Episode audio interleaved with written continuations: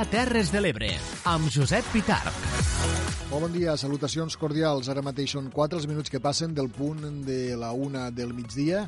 És l'hora, per tant, de començar el Dia Terres de l'Ebre, aquest magazín informatiu que de manera conjunta els oferim a través de sis dials, a través de sis emissores municipals de ràdio i gràcies al pertinaç eh, treball que cada dia fan les companyes i companys d'aquestes emissores. Són Teri Giné i Clara Seguí des de la Plana Ràdio, Núria Mora, Clàudia Ruiz i Xavier Falcó des de Ràdio Tortosa, Laia Oltra, Francesc Callau i Daniel Rodríguez des de la Cala Ràdio, Judit Castells i Jonathan Valls des de Ràdio Joventut, Eduard Carmona i Leonor Bertomeu des de Ràdio Delta. I Tomàs Ginestra, Jordi Galo i Manel Ramon des d'Amposta Ràdio. Des d'ara mateix i fins al punt de les 4 de la tarda estirem al seu costat en aquest eh, espai per tal d'oferir-los, per tal d'explicar-los les notícies d'actualitat a les nostres terres, tot allò que genera l'actualitat ebrenca. El primer que fem, com sempre, és eh, destacar els temes més importants en titulars.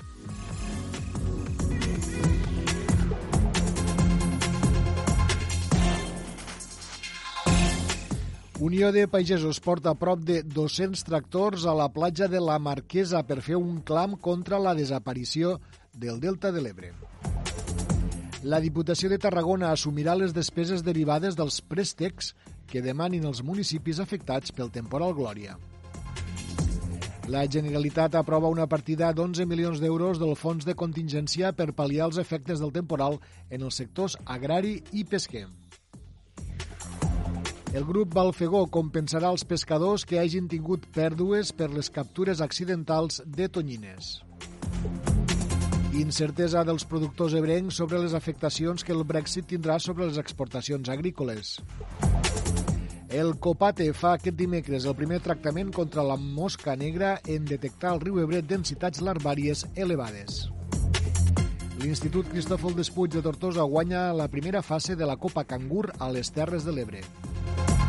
La Cala gaudeix d'una festa major de la Candelera. Ingressa a presó un home per cultivar 995 plantes de marihuana en una finca de Campredó. Rosa Raga, nova síndica de Greuges del Canà, les Cases i el Canà Platja. El Carnaval torna del Tebre el cap de setmana del 14 al 16 de febrer.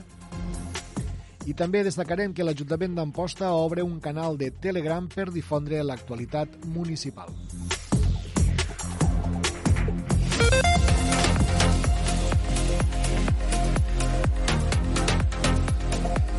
La una i set en punt. Com dèiem, prop de dos centenars de tractors han fet aquest dimecres una marxa de protesta entre Deltebre i la platja de la Marquesa en un clam contra la desaparició del Delta de l'Ebre. Sota el lema Ni un pam més enrere, el sindicat Unió de Pagesos ha convocat aquesta tractorada en defensa del Delta i també per protestar contra la desaparició progressiva de la zona. Per conèixer més detalls d'aquesta tractorada, connectem amb el nostre company Víctor Montesinos del canal Terres de l'Ebre, que ha fet un ampli seguiment. Víctor, bon dia. Hola, molt bon dia. Doncs sí, així és. Hem estat des de primera hora de, de sortida d'esta tractorada, que ha sigut des dels sequers de la cooperativa de Deltebre, que a les 10 del matí, on, com deies, un més d'un centenar de, de tractors, concretament uns 36, segons han informat els Mossos, eh, han sortit direcció a la platja de la Marquesa, un dels punts afectats per la repressió i que fa dècades que denuncien i que, a més, el temporal Glòria va fer més als pares. Eh, així, eh, han, els arribat fins a la plaça Marquesa, on l'han obert, han provocat una imatge molt impactant, eh, i, i, eh, i des d'aquí, Unió de Pagesos eh, el a tots els assistents, on qualificaven eh, les hectàrees afectades en 2.600, segons han informat. Això provocarà un descens de la producció d'enguany del 20%. A més, els arrossars han perdut valors, segons informava eh, Dani Forcadell, i altres sectors també s'estan veient afectats, com el turisme, que està rebent anul·lacions de les reserves, o el sector pesquer, i precisament els, als pagesos se'ls han unit alguns d'estos eh, afectats, els sectors afectats, com són també els clares, l'Associació de Caçadors i eh, els aliats de l'Ajuntament de Deltebre. Víctor, eh, quin és l'ambient que has pogut copsar entre els assistents? Eh, eh, era un ambient de preocupació? Doncs sí, sí perquè molta gent va afectar pel, pel, pel temporal, el temporal ha fet molt evident i que potser per fi eh, l'Estat o els estaments que, que poden participar i poden influir en, en que no hi hagi més regressió, te, se per fi actuen. I clar, realment eh, l'afectació era bastant important, inclús eh, s'ha vist un alcalde de, de Deltebre també molt agressiu per al que estem acostumats a veure'l i, i en unes paraules molt contundents per a evitar el que fa, com deia abans, eh, dècades que, que els pagesos i que els, els polítics del territori s'estan queixant, no? que necessiten més sediments i que el pla Delta que es va presentar fa just una setmana s'hauria de fer efectiu quan abans millor. Per tant, eh, podem dir preocupació i contundència en les manifestacions dels assistents a aquesta tractorada que, com ara mateix comentava el company Víctor Montecinos, ha, ha portat prop d'uns 140, 136 exactament, 140 tractors a la platja de la Marquesa. Víctor, molt bona feina, moltes gràcies per aquesta connexió. Gràcies a vosaltres. És una notícia que ampliarem eh, d'aquí una estona, ja que tenim preparada per a la segona hora del nostre programa una entrevista amb el responsable de l'arròs, el responsable nacional de l'arròs del Sindicat Unió de Pagesos, el senyor Albert Pujol. Serà, però, com dèiem, a la segona hora. Ara continuem amb més temes dintre del nostre informatiu.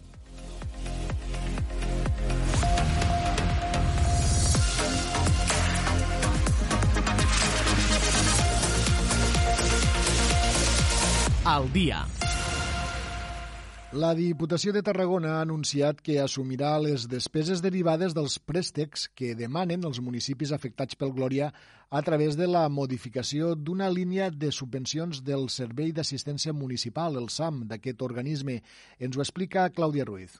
Ho anunciava ahir el diputat delegat del servei i alcalde de Pauls, Enric Adell, acompanyat per la presidenta de l'ENS provincial, Noemi Llaurador. Aquest ajut és suma als 2 milions d'euros que l'ENS ja va preveure en el seu pressupost anual per reparar aquells béns i serveis d'ús públic afectat per temporals. Adell considera que els municipis afectats per Glòria no poden esperar a les resolucions de les subvencions de la Generalitat i del govern espanyol perquè entenem que, evidentment, fins que no resoldran totes aquestes subvencions que van comentar la Generalitat o l'Estat, eh, els ajuntaments no poden esperar un any a fer front a aquestes desgràcies. Per tant, la Diputació assumirem totes les despeses derivades en aquests préstecs i esperem pues, que se pugui solucionar aquesta problemàtica, el que passa que ho comentava la presidència, per desgràcia cada cop són més habituals i haurem de començar a treballar ja a veure com revertim aquesta situació i aquesta emergència climàtica cada dia haurem d'intentar revertir-la perquè si no aquests fenòmens seran molt complicats de poder afrontar de cara al futur. Com dèiem, aquest ajut es va anunciar ahir en el marc de la presentació del Pla d'Acció Municipal 2020-2023 de la Diputació davant de la cinquantena d'alcaldes i alcaldesses de les Terres de l'Ebre. La dotació econòmica d'aquesta planificació quadrienal és de 85 milions d'euros, 5 milions més que en el quadrieni anterior. Entre les principals novetats es troba la nova distribució dels recursos, tal com va explicar la presidenta de la Diputació, Noemi Llaurador. Amb els que ja teníem, que eren en base a la població, els trams de població dels municipis o també a una quantia segons el número d'habitant que tenia el municipi i afegim una quantia pels quilòmetres quadrats de superfície de, del terme municipal i també el fet que tinguin eh, nuclis agregats o entitats singulars. Això eren unes demandes que ens havien fet els municipis i que doncs, eh, tant la diputada delegada com el diputat delegat han volgut recollir i crec que això també serà molt ben valorat pels municipis. I un últim que és augmentar els programes d'ajuts en aquest programa d'ajuts ara se'n troben quatre. Els ja existents, com són el de la inversió, despesa corrent i de secretari interventor, ara s'afegeix el de sanejament de les finances municipals. Aquest servirà als municipis per amortitzar deutes i sanejar els romanents negatius de tresoreria. Gràcies, Clàudia. Doncs tal com avançàvem ahir, la Generalitat ja ha aprovat una partida d'11 milions d'euros del Fons de Contingència per pal·liar els danys del temporal en el sector agrícola, pesquer i aqüícola. Leonor Bertomeu. El govern de la Generalitat ha aprovat una primera partida d'11 milions d'euros provinents dels fons de contingència per pal·liar els efectes del temporal Glòria.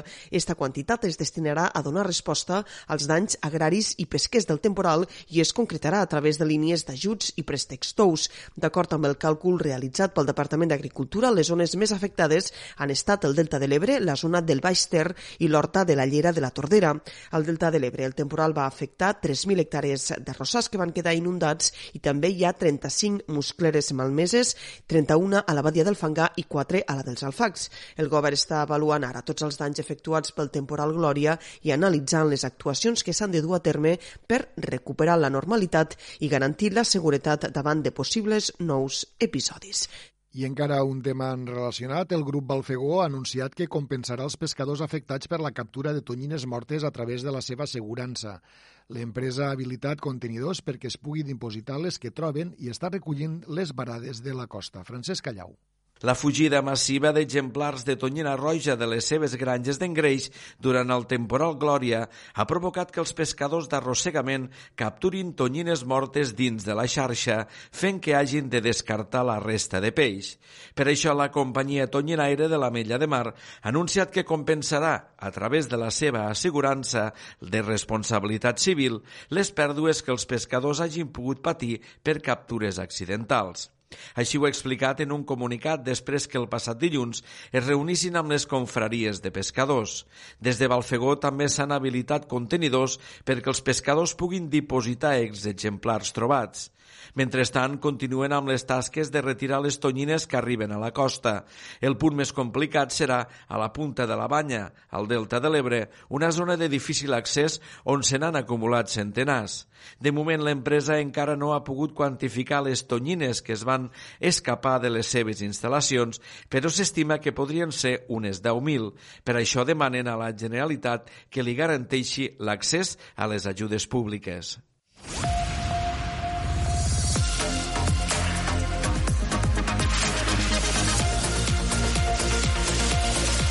Al dia.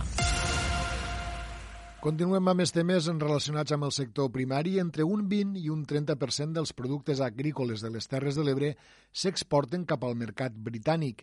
L'entrada en vigor ara del Brexit ha deixat en la incertesa a la majoria de productors de les nostres terres. És una crònica de Judit Castells. Amb preocupació i incertesa, així està vivint el sector agroalimentari de les Terres de l'Ebre el Brexit del Regne Unit, i és que de fet se destinen a aquest país entre un 20 i un 30% de les exportacions ebrenques, principalment oli, arròs, cítrics i vi. Tot i que les empreses encara no saben com es repercutirà, algunes, com és el cas d'Oli Faiges, ja estan estudiant com hauran d'adaptar-se a les noves condicions de mercat. De fet, el 10% d'exportacions que fa Oli Faiges se destinen al Regne Unit, parla el seu cap d'exportacions, Cisco Faiges. Preparant-nos per, per uh, aquesta adaptació uh, al Regne Unit com a un tercer país. Eh, tot sembla que no hi haurà, no tenim la seguretat, però tot sembla que no hi haurà imposició d'arancels per als productes europeus, però això també en part juga una mica en la nostra contra, perquè si, si no tenim arancels per a Europa, també els hauran de llevar en principi per, a, per al nord d'Àfrica, i això significa que tindrem més competència per a vendre allà. Eh, competència d'uns països que normalment eh, no tenen els mateixos costos productius que tenim aquí i que per tant eh, pot ser una, una competència una mica dura. Malgrat que fa molts mesos que s'està parlant de la possible sortida del Regne Unit de la Unió Europea, ara mateix les empreses no saben exactament com els afectarà. De moment, però, encara tenen un any de transició per treballar i estudiar les noves estratègies d'exportació cap al Regne Unit i decidir així si els surt a compte o bé desvien el mercat cap a un altre país. I en un altre ordre de coses, el Consorci de Polítiques Ambientals de les Terres de l'Ebre, el COPATE, ha iniciat avui mateix, aquest dimecres, el primer tractament de l'any contra la plaga de la mosca negra al riu Ebre. Clara Seguí. Així és, si les condicions meteorològiques ho permeten, un helicòpter farà el tractament en diverses zones de la llera fluvial situades entre Vinallop i Ascó. Aquest dimarts els tècnics del Copate han dut a terme un primer mostreig i en alguns punts han trobat densitats larvàries elevades que justifiquen la realització del primer tractament. Segons ha explicat aquest consorci, el mostreig fet dimarts ha estat complicat a causa del fort vent que ha començat a bufar al matí, a més de la dificultat de trobar els macròfits després de dies amb uns cabals elevats i amb una terbolesa de l'aigua alta. Per fer el primer mostreig mostreig i aquest dimecres el tractament, el cabal del riu Ebre ha estat regulat i ha passat de més de 600 metres cúbics per segon a poc més de 100, la qual cosa ha facilitat que els tècnics hagin pogut accedir al riu. Fem ara un parèntesi per a parlar de cultura. L'Institut Cristòfol Despuig de Tortosa ha guanyat la primera fase de la setena edició de la Copa Cangur, que va tenir lloc dijous al campus Terres de l'Ebre de la Universitat Rovira i Virgili. Els estudiants ara es preparen per a la final catalana que tindrà lloc el proper 5 de març al Centre Cultural La Torreta de Montmeló. Clàudia Ruiz. En aquesta edició de la Copa Cangur van participar un total de 140 alumnes de segon i tercer d'ESO de 14 centres de secundària del territori. Tots ells van haver de resoldre 12 problemes de lògica matemàtica en una hora amb l'objectiu de motivar-los en l'aprenentatge de les ciències i les matemàtiques. Aquesta primera fase s'ha dut a terme a una trentena de seus d'arreu del país i és el segon any que el campus ebrenc acull esta prova. Durant el desenvolupament de la prova, els equips han pogut seguir en directe l'estat del concurs, de la puntuació i la classificació com els encerts i errors que porten acumulats cadascun dels equips, el que dona encara més emoció en aquesta lluita. La professora de l'equip guanyador, Cinta Navarro, destacava l'esperit treballador del grup. I jo penso que el que els ha donat l'èxit ha sigut que han sigut molt, molt cuidadosos, és a dir, que no van intentar eh, contestar-la i mirar què passava. No en van fallar ni una. Només van fallar una al final que sabien que s'havien d'arriesgar. pues, bueno, aquelles cosetes de dir-los i sigueu ordenats, eh, bueno, aquestes cosetes, penseu en això, penseu en allò altre, bueno, pues això me sembla que els ha donat una mica de ferramentes. No? Ara pues, mos queda anar a Montmeló dintre d'un mes i pico i bueno, continuem treballant. Esta setmana ens han donat festa i la setmana que ve continuem treballant. En segona posició va quedar l'Institut de Tecnificació d'Amposta, mentre que la tercera posició ha estat per a l'Institut d'Alfax de Sant Carles de la Ràpita. A la final catalana hi participaran una trentena de grups i els guanyadors d'esta fase assistiran a la gran final nacional i els primers classificats a la fase nacional obtindran un passi per a participar en la final internacional amb equips d'altres països. Més temes, la Mella de Mar s'ha acomiadat de la seva festa major de la Candelera, que s'ha celebrat entre el passat dia 31 i ahir mateix, 4 de febrer. Les caleres i caleros han gaudit d'un temps excel·lent, que ha permès celebrar tots els actes previstos al carrer. Francesc Callau. El castell de focs d'artifici i el sopar de cloenda posaven ahir el punt i final a unes festes que han estat marcades pel bon temps i l'elevada participació. El regidor de festes, Jordi Lleó, remarca el nombrós públic en tots els actes, sobretot el cap de setmana. El balanç és molt positiu. Eh, hem tingut un cap de setmana sobretot carregat de gent, el poble estava ple, tots els actes pleníssims. I després del dia 2 ja, tant dia 3 com dia 4 molta gent igual a tots els actes, el temps ens ha respectat fins a hores d'ara, que potser ens fa una miqueta de vent, però durant totes les festes ens ha respectat el temps, la gent així li ha anat bé, i, i ja et dic, eh, ha sigut cada acte farcit de gent i, i el balanç de, per part de la regidoria de festes com, com meu és, és bastant positiu. El pregó, l'ofrena floral, la solemne processó en honor a la Verge Candelera han estat els actes més concorreguts, però també l'aposta pels balls de la tarda que ha omplert el poliesportiu, tal com destaca l'alcalde Jordi Gazeni. Molt contents eh, d'unes festes doncs, que podríem dir com a cosa doncs, que s'ha anat consolidant, la proposta doncs, de la regidoria de festes d'anar fent, eh, cada mes donant importància a les tardes, amb el que és el ball. Això ens ha donat l'oportunitat de, eh, de que hi hagi un aiguabarreig eh, doncs, d'edats, on hi ha els eh, més menudets, eh, doncs, eh, la gent doncs, que normalment doncs, ja va en aquests balls, però també eh, doncs, la gent gran. Eh, I això ha fet també doncs, que, que faig que tota la festa doncs, encara tingui molt més sentit. Unes festes que han viscut intensament les pubilles d'Amiseles, Hereus i Quintos. La pubilla major del 2020, Tània Martínez, assenyala la unió entre totes elles i explica que l'acte més emotiu que ha viscut és la processó. Molt contenta i estic super orgullosa d'aquestes festes. Pues estem molt contentes perquè ens portem molt bé totes, les pubilles menudes i les grans, i pues superbé.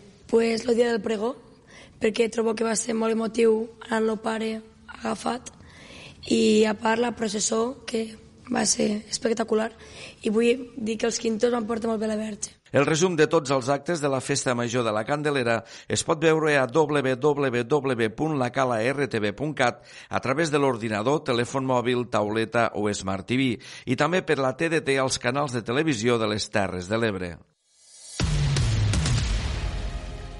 Passem ja al fet divers. Agents dels Mossos d'Esquadra i de la policia local de Tortosa van detenir fa uns dies un home de 64 anys de nacionalitat holandesa i veí de Tortosa com a presumpte autor d'un delicte contra la salut pública i també d'un altre delicte de frau en el fluid elèctric. Aquell dia, una patrulla del cada cos policial va acudir a un requeriment ciutadà en una finca ubicada al camí de Soldevila, a Campredó. Un cop van arribar al lloc dels agents, van detectar una forta olor a marihuana provinent d'una finca veïna on hi havia un xalet amb un magatzem adossat, per la qual cosa van iniciar una inspecció acompanyats pel propietari del terreny. En les diverses estances del xalet i del magatzem, els policies van localitzar una plantació de marihuana composada per 995 plantes, les quals disposaven de sistemes de rec, il·luminació, clima i ventilació necessaris per al seu desenvolupament. Els agents també van requerir una inspecció per part de l'empresa subministradora d'electricitat, els quals van constatar que la instal·lació elèctrica de l'habitatge es trobava connectada a la xarxa de manera fraudulenta. Davant d'aquests extrems, els agents van arrestar el propietari de la finca com a presumpte autor d'un delicte contra la salut pública i també d'un delicte de defraudació del fluid elèctric. El detingut va passar a disposició del jutjat d'instrucció de Guàrdia de Tortosa eh, fa uns dies, el dia 1, i es va decretar el seu ingrés a la presó. Per altra banda, també cal dir que agents del Servei de Protecció de la Natura, el CEPRONA, de la caserna de la Guàrdia Civil de Tortosa, van sorprendre divendres passat a quatre veïns de la localitat de Reus quan recolectaven sense autorització brolls de llentiscle en el paratge natural conegut com l'Ermita de la Petja, al terme municipal de Tortosa. Durant les últimes setmanes, diversos ens municipals havien mostrat la seva preocupació per la recol·lecció indiscriminada de brots de llentiscle a diferents boscos de la província, detectat per part dels agents del Seprona la tala massiva indiscriminada d'aquesta planta pels voltants de l'ermita de la Petja. Així, a primeres hores de divendres, durant la prestació del servei orientat a la protecció de la flora i la fauna, la Guàrdia Civil va localitzar en un camí forestal un vehicle estacionat i al seu interior diferents rams de la planta del llentiscle. Propers al lloc es va observar un equip composat per quatre persones que es dedicaven a la recol·lecció de la planta sense que tinguessin cap mena d'autorització mediambiental per a dur a terme la pràctica, per la qual cosa van ser denunciats davant del Departament de Territori i Sostenibilitat de la Generalitat per la recol·lecció de 102 quilos de llentiscle, per tant, infringint diversos conceptes de la llei de muntanyes i biodiversitat. I encara dintre del fet divers, encara també hem d'explicar que els bombers de la Generalitat van donar per extingit ahir a un quart de nou del vespre el foc que va cremar a un canyar a la zona dels Ullals de Baltasar, a Ramposta. El foc es va declarar al voltant de les 6 de la tarda i van treballar un total de 5 dotacions dels bombers de la Generalitat, 3 camions i dos vehicles lleugers, tot i la dificultat per observar el terreny cremat calculen en més de eh, del cos de bombers que aproximadament van ser unes 2 hectàrees de canyissar. La única dificultat que van tenir, això sí, va ser el vent de mestral, que és típic de les nostres terres, eh, eh, ja que era un foc de no massa importància i era destacat de tallar el cap perquè anava en direcció al camí paral·lel als ullals de Baltasar, que és on més endavant hi ha una hípica, una hípica, perdó, i és un fet que sempre s'ha de tenir present a l'hora de controlar el foc, segons que va declarar Antoni Orissa, el cap de Guàrdia Territorial dels Bombers de la Generalitat. Més coses. L'alcalde Joan Roig ha presentat aquest dimarts la síndica de greuges del Canà, les Cases i el Canà Platja, Rosa Maria Ximeno. Aquesta figura s'ha creat per a fer de nexe d'unió entre la ciutadania i l'Ajuntament i per apropar la ciutadania al consistori. Es tracta d'un nou pas que l'equip de govern ha donat en l'àmbit de la participació ciutadana i la transparència. Ens ho explica Clara Seguí. Així és, Joan Roig en el discurs de la compareixença li ha fet un agraïment públic molt sentit de la seva voluntat d'ajudar-los de forma desinteressada en una mostra de generositat que cal posar de manifest. I també ha destacat el seu currículum brillant. Raga ha treballat sempre pel benestar de les persones. En una primera etapa professional va fer atenció directa i després va passar a desenvolupar tasques de gestió i direcció en diferents centres d'atenció especialitzada de Catalunya. Entre d'altres, ha estat directora territorial, directora de la residència de gent gran de Reus i regidora de l'Ajuntament de Reus. Joan Roig és l'alcalde d'Alcanar. Ja desenvolupat sense ser oficialment síndica de Greuges, podríem dir que ja estava desenvolupant aquestes eh, funcions perquè sempre ha estat una persona molt propera en la ciutadania. L'evidència més tangible dels seus mèrits com a, com a síndica de Greuges eh, doncs, està reflexada a, al seu currículum. La seva banda, Rosa Ragà, ha destacat la iniciativa que ha tingut el govern de majoria absoluta d'Alcanar per tenir un control administratiu extern i garantir així que la ciutadania puga sentir-se més prop de l'Ajuntament. La síndica no està subjecta a cap mandat imperatiu ni hi ha, diríem, cap autoritat que li tingui que dir el que té que fer o el que no té que fer, que això també és un avantatge per la meva imparcialitat, diríem, que això també és un aspecte que jo he tingut en compte al moment d'acceptar aquest repte. Les funcions d'aquesta figura que vetlla pels drets fonamentals i les llibertats públiques dels veïns i veïnes del municipi es basen en el reglament del síndic municipal de Greuges d'Alcanar i es troben disponibles en la web municipal. Entre altres tasques, inclou la supervisió de les activitats de l'administració municipal o examinar i resoldre les queixes formulades pels ciutadans i ciutadanes que no estan d'acord amb la gestió municipal. La síndica està a la disposició de la ciutadania els dimecres al matí de 10 a 1 del migdia i els dijous a la tarda de 4 i mitja a 6 i mitja de la tarda a l'edifici dels serveis agraris. L'últim dijous de cada mes i amb el mateix horari es desplaça a la llar de jubilats de les cases d'Alcanar. Doncs li desitgem molt bona feina a la nova síndica de Greuges d'Alcanar. Nosaltres ara passem al Delta. L'acte eh, central del Carnaval de Deltebre serà novament la Rua, que se celebrarà dissabte a la tarda i en la qual s'espera una participació de més d'un miler de participants i un total de 25 comparses. Però del 14 al 16 de febrer la població de Deltebre acollirà molts altres actes. Ens els detalla Leonor Bertomeu. Deltebre ha començat ja el compte enrere per a la celebració d'una nova edició del Carnaval que tindrà lloc el pròxim cap de setmana del 14 al 16 de febrer. Enguany, com a novetat, es realitzarà la pijamada party el divendres a la nit i sorgeix com a una iniciativa dels quintos i quintes del 2002.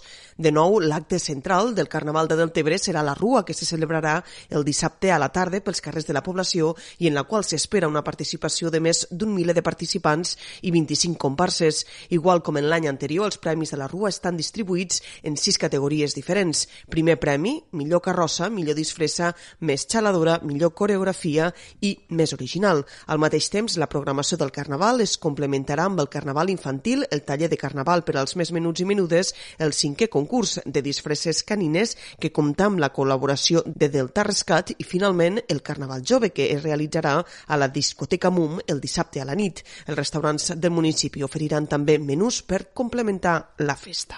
I tornem al Montsià perquè l'Ajuntament d'Amposta ha posat en funcionament un nou canal de comunicació on es difondrà la mateixa informació que fins ara es difonia a la resta de xarxes socials, amb la diferència, això sí, que l'usuari que estigui inscrit al canal el rebrà directament al seu telèfon mòbil. Jordi Galo.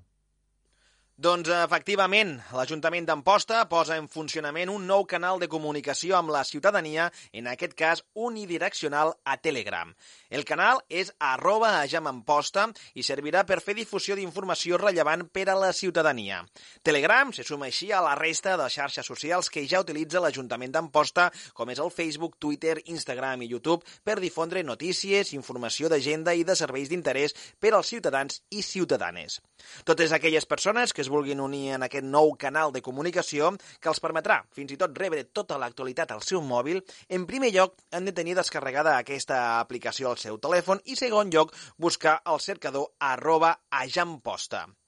L'objectiu d'aquest nou canal, tal i com assenyala l'alcalde d'Amposta, Adam Tomàs, és facilitar l'accés de la informació d'interès general a tota la ciutadania. Eh, bé, eh, el canal de Telegram que l'Ajuntament d'Amposta fica a disposició de, de la ciutadania no és més que una altra eina eh, de transparència i de, i de fer arribar eh, de la forma més directa i més ràpida al ciutadà eh, aquella informació de, de, que considerem d'interès general. És un canal unidireccional, és a dir, no és un lloc on la gent podrà interaccionar, simplement és un lloc on la gent que es doni d'alta rebrà eh, les comunicacions de l'Ajuntament. Les mateixes comunicacions eh, que enviem a altres xarxes socials la diferència entre eh, Twitter o Facebook o la pròpia pàgina de l'Ajuntament és que el canal de Telegram mm, te fa arribar directament al teu telèfon en el moment que t'has donat d'alta eh, en, este, en este mitjà eh, social, mm, t'arriba directament no? al teu telèfon en un missatge. eh, nosaltres animem a tothom que, que, bueno, que tingui interès en que li arribin aquelles comunicacions eh, com puguen ser talls d'aigua, com puguen ser situacions d'alerta, o com pugui ser simplement comunicació de coses que estem fent l'equip de govern o, o, de, o si quin dia hi ha ple, per exemple, pues, eh, a tota aquella gent que estigui interessada en rebre aquest tipus d'informacions que, que es doni d'alta eh, al Telegram i que, i que faci una recerca de l'usuari HJ Amposta eh, i, bueno, en tot cas, eh, se sumarà a estar eh, absolutament connectat en l'Ajuntament d'Amposta. En aquest canal es difondrà la mateixa informació que fins ara es difonia a la resta de xarxes socials, amb la única diferència que l'usuari que estigui inscrit al canal el rebrà directament al seu telèfon mòbil. Gràcies, Jordi. Ja per acabar les notícies generals, encara un parell de punts. Els rectors i rectores de les 22 universitats de la xarxa Vives es reuniran el proper dia 11 i 12 d'aquest mes de febrer a Tortosa en una sessió del seu Consell General. La trobada es desenvoluparà al parador de Tortosa Castell de la Suda. El Consell General és l'òrgan superior de decisió i de definició estratègica i estableix el programa general d'actuació i el pressupost anual. La xarxa Vives d'Universitats és una institució sense ànim de lucre que representa i coordina l'acció conjunta de 22 universitats dels països catalans, repartides entre quatre estats. La finalitat de la xarxa és potenciar les relacions entre les institucions universitàries de Catalunya, el País Valencià, les Illes Balears, la Catalunya Nord, Andorra i Sardenya, i també d'altres territoris amb vincles geogràfics, històrics, culturals i lingüístics comuns per tal de crear un espai universitari que permeti coordinar la docència, la recerca i les activitats culturals i potenciar tanmateix la utilització i la normalització de la llengua pròpia. I ara sí, per acabar, un apunt polític per dir-los que el grup municipal d'Esquerra Republicana de Catalunya Més del Tebre celebrarà este divendres una assemblea informativa per fer balanç de les actuacions dutes a terme des de l'inici de la legislatura i informar la ciutadania d'altres qüestions d'interès per al municipi. L'assemblea serà, com dèiem, divendres a les 9 i mitja de la nit a l'espai puntual a l'antiga biblioteca.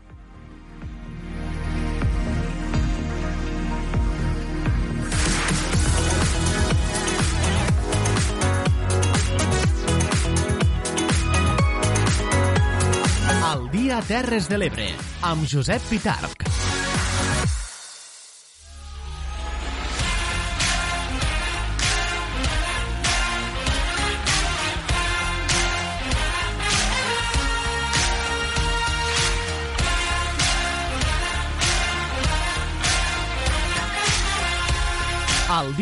Els esports de les Terres de l'Ebre.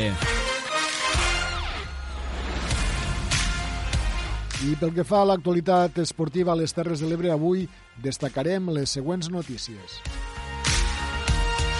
El club de bàsquet Cantaires Tortosa Cool House Habitat s'imposa en de només un punt a l'AES La Sènia amb una victòria agònica. El rapiten José Fermín debuta amb el Casademont Zaragoza a la Lliga de Bàsquet Endesa. Derrota de l'Amposta la Grama enfront del Sant, Jaume, del Sant Joan d'Espí, rival directe a la taula classificatòria. I també destacarem que els caleros de l'AME, l'Amella de Mar, no aixequen cap a la Lliga de Futbol Sala de les Terres de l'Ebre.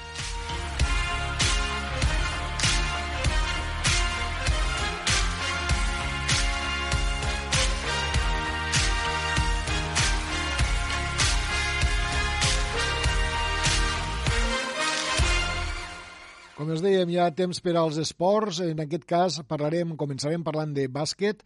En aquest esport, victòria agònica per 60-61 del Club de Bàsquet Cantaires Tortosa Cool House Habitat davant de l'AES de la Sènia, crònica de Núria Mora. Doncs sí, a l'equip tortosí se li va entrevessar un rival aparentment més fluix que es troba a la part baixa de la classificació. Ja en el partit d'anada la és la Sènia Stock Plus va presentar moltes dificultats al conjunt de la capital del Bagebre que es va acabar però imposant amb un avantatge de 10 punts. Diumenge el Cantaires es va veure superat en tots els aspectes del joc en un partit per oblidar. Els parcials van ser de 20 a 13 i 11 a 16 a la primera part i de 15 a 21 i 15 a 10 en la segona. La fortuna fortuna, però, es va decantar del costat tortosí. A falta de 7 segons per al final del partit, amb una cistella ràpida i la falta assenyalada amb tirs lliures, donarien la victòria al Cantaires davant la Sènia per 61 a 60. El tècnic del sènior del Club Bàsquet Cantaires Tortosa, Claudio César Prieto, no està gens content amb l'actuació dels seus jugadors, però en destaca la victòria com l'únic positiu que se'n pot extreure. Lo más importante es que hemos sabido sufrir, sufrir para eh, hasta el final creer y, y, llevarnos el encuentro en un partido que lo teníamos perdido, pero bueno, lo más importante seguimos ahí en, adelante de la tabla, primeros y, dependiendo de nosotros, ¿no? Así que eh, todos tenemos malos días, y hay que pasar página y seguir pensando ya eh, en la semana de, de entrenamiento para, para, mejorarla y mejorar detalles, eh, llegar con con buenas sensaciones para el partido del, del sábado. ¿no? L'equip tortosí continua com a líder virtual de la territorial amb 28 punts, un més que l'Àguiles, que té però un partit menys. Dissabte el sènior del Cantaires visitarà la pista del Club Bàsquet l'Ametlla de Mar. Gràcies, Núria. Nosaltres continuem parlant de bàsquet, ja que José Fermín Cera, amb només 17 anys, ha debutat a la Lliga ACB en el partit que va enfrontar el Casademont Zaragoza, el seu actual equip, amb l'UCAM de Múrcia, amb victòria final per a l'equip aragonès. El jugador rapitenc va estar en pista poc menys de dos minuts i encara que no va poder notar, va acabar amb tres intents, dos enllançaments de dos punts i un de tres. José Fermín Cera, d'un metre 86 d'alçada, ocupa habitualment la posició de base i pertany al bàsquet Saragossa, en el qual esta temporada alterna amb l'equip júnior i el que milita a la Lliga EVA, el mateix grup que lidera Liversol Club Bàsquet Tarragona, on juga el pivot tortosí Juan Estani Sorolla. Abans d'arribar al club aragonès, en edat cadet, havia estat a les files del Club Bàsquet L'Hospitalet, Club Bàsquet Vinaròs, Club Bàsquet Alcanar i el Club Bàsquet Rapitenc de la seva població, que és on es va iniciar. A l'Anagan Olivar té un destacat protagonisme, havent disputat un total de 17 partits, on ha superat la mitjana de 27 minuts en pista, els 11 punts i les dues assistències amb una valoració molt positiva. I encara parlant de bàsquet, direm que diumenge el municipi d'Amposta va acollir la quarta trobada d'escoles de bàsquet de la temporada 2019-2020. Un total de 13 equips de les categories escola i premini van participar a la trobada que es va desenvolupar durant tot el matí amb la disputa de dos partits per conjunt participant. En la categoria escola van prendre part els equips del Club Bàsquet Cantaires de Tortosa, el Club Bàsquet Amposta A i B, el Club Bàsquet Rapitenc, el Benicarló, el de Morella i el de Vinaròs, mentre que en la categoria premini van jugar el Club de Bàsquet Alcanar, el Cantaires de Tortosa, el Cantaires de Tivenys, l'Amposta A, l'Amposta B i la Sènia. Més esports, tot i que continuem encara dintre de l'àmbit poliesportiu, derrota de l'Amposta a la Grama enfront del Sant, Joan, del Sant Joan d'Espí, un rival directe en la taula classificatòria. Tomàs Ginestra. Dolorosa derrota enfront d'un rival directe a la taula classificatòria com és el Sant Joan d'Espí. Club amb vol Amposta a la grama 17, amb el Sant Joan d'Espí 20. Primers compassos de partit on l'Amposta a la grama va desplegar el millor joc, la qual cosa donava el màxim avantatge a les locals a l'equador de la primera meitat amb el resultat de 6 a 2. A partir d'aquí, reacció de l'equip barceloní. S'arribaria al descans amb el resultat favorable de les visitants per 8 a 10.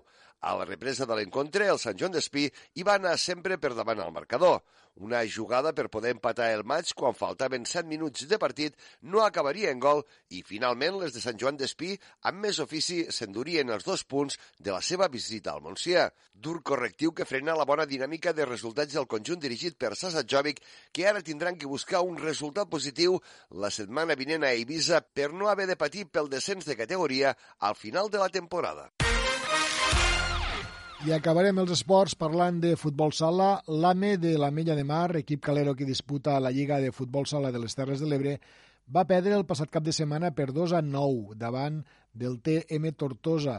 El partit era corresponent a la 14a jornada, la qual encetava, per cert, la segona volta del campionat. En temes detalls, Francesc Callau. Els de la Mella de Mar que van haver de jugar el partit al poliesportiu del Perelló per la celebració de la Candelera al Galetet es van veure superats pels tortosins fins a completar un marcador dolorós. Els de la Mella de Mar només han pogut sumar un punt en els darrers quatre partits i va ser precisament en l'empat en el derbi calero. Després d'aquesta nova derrota, els caleros segueixen a la novena posició d'una classificació en la que estan en 16 punts. Dissabte a la tarda jugaran de nou com a locals al Galetet contra el Dertoship de Camarles. Pel que fa als Ame Bull Boys, cal recordar que van ajornar el seu partit davant del Lligallos GP Motor al poliesportiu de Camarles. El partit es disputarà precisament demà dijous a les 9 de la nit. Els caleros són setents a la classificació amb 21 punts i els camarlencs estan a la sisena posició amb 25, per tant, 4 punts separen a camarlencs i caleros.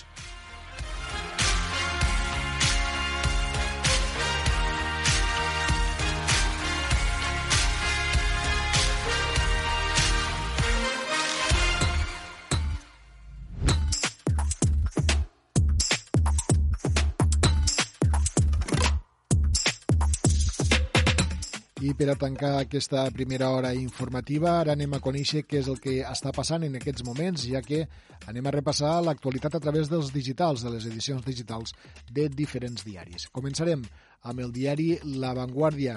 Sánchez desplega al govern per evitar l'esclat de l'Espanya rural, titula La Vanguardia. El president urgeix iniciatives que aplaquin una rebel·lió de les arnilles de les arnelles eh, grogues crits i eh, xiulada a favor d'Abascal a la concentració de pagesos a Madrid. Manifestants tallen el trànsit a l'alçada de Atocha per eh, demanar preus agraris justos i, com dèiem, eh, divisió d'opinions eh, per a rebre el líder de Vox, a, en aquest cas a Abascal, que ha rebut tant crits com també eh, aplaudiments a favor. Eh? El coronavirus obliga a Japó i a Hong Kong a aïllar a 5.500 creueristes. Eh, un vaixell en aigües japoneses hi ha 10 casos detectats en, aquesta antiga colònia a Hong Kong i són 3 infectats ja confirmats. Per tant, aquest vaixell amb 5.000 persones a bord que està posat en quarantena. El govern crida a evitar l'alarmisme entorn del Mobile World Congress després de la baixa de l'empresa LG. Cancel·lacions puntuals dels apartaments turístics per al mobile. Pelosi, la presidenta del Congrés dels Estats Units, evidencia la divisió entre, en Estats Units en trencar davant de Trump el seu propi discurs. Clara Ponsatí recull l'acta d'eurodiputada al costat de Puigdemont i de Comín. I també l'obra pública a Catalunya només és la, una quarta part del que era abans de la crisi. Hi ha una entrevista avui a La Vanguardia al portaveu del PNB al Congrés dels Diputats, Aitor Esteban, que diu que per a que hi hagi diàleg primer ha d'haver un pressupost. Passem al tres rotatius, el periòdico de Catalunya. El Mobile de Barcelona reforça les mesures preventives pel coronavirus. Bartomeu convoca a Vidal al seu càrrec, sembla que està a l'aire, el càrrec de Vidal, volem dir, no el de Bartomeu. Pelosi va trencar el discurs de Trump, màxima atenció al Congrés dels Estats Units, més qüestions, Ponsatí recull la seva credencial d'eurodiputada, la, zona, la zona de baixes emissions de Barcelona redueix el nombre de vehicles sense etiqueta un 50%, i també diu que torna el fred, baixada general de temperatures que tindrem en les properes hores. Igualment, destaca el periòdico que hi han estat identificades tres persones que van controlar el VIH durant 25 anys sense tractament. Eh, per tant, és una bona notícia, es van fer immunes, podríem dir. Eh? Passem al punt avui, que destaca en portada que Clara Ponsatí recull l'acreditació com a eurodiputada al Parlament Europeu. L'exconsellera té un procés d'extradició obert a Escòcia però no té clar què farà el jutge per la immunitat. Puigneró assegura que el mobile no està en perill pel coronavirus i envia un missatge de calma. LG cancela la participació al mobile per evitar exposar el seu personal al risc de coronavirus. Les famílies d'origen migrant encapçalen les llars en risc de pobresa a Catalunya, segons un estudi. Identifiquen un perfil de persona capaç de controlar l'UVIH sense tractament durant més de 25 anys. Un guàrdia civil diu que un cap de sala de Mossos era en un xat on s'alertava de l'arribada d'antiavalots de l'1 d'octubre.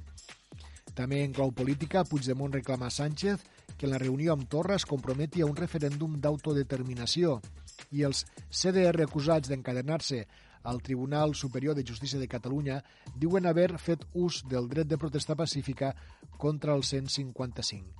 La Fiscalia denuncia per injúries Toni Soler per un gag de TV3 sobre els Mossos d'Esquadra i el Parlament de Catalunya aprova portar al Tribunal Constitucional el decret espanyol contra la República Digital Catalana.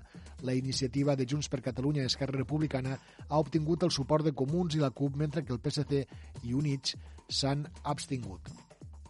I passem ja a la informació de les nostres terres.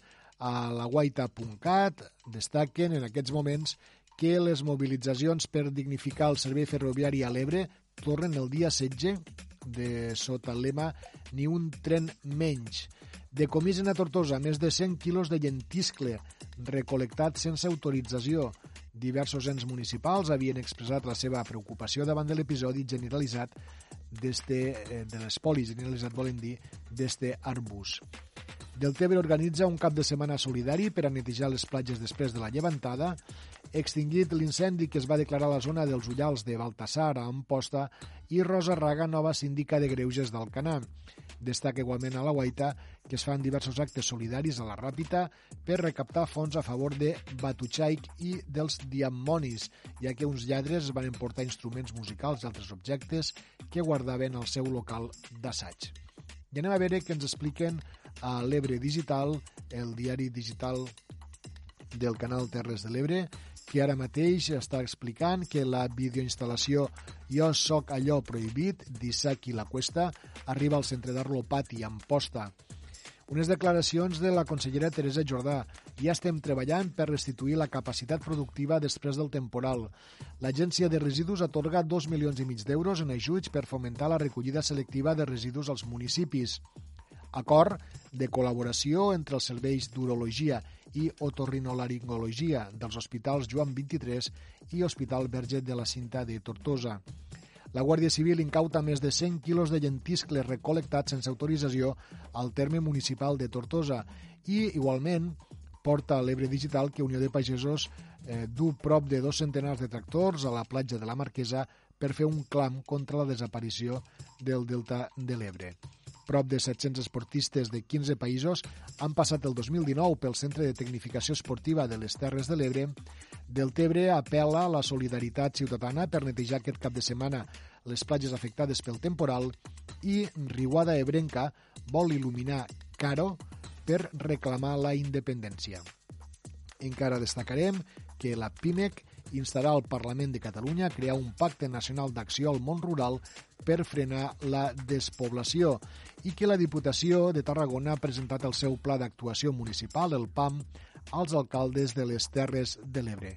En un altre ordre de coses, i en aquests dos eh, titulars acabarem aquest repàs, eh, destaquen que baixen en un 2,4% els fets delictius denunciats a les Terres de l'Ebre, el Copate fa avui el primer tractament contra la mosca negra en detectar al riu Ebre densitats larvàries elevades.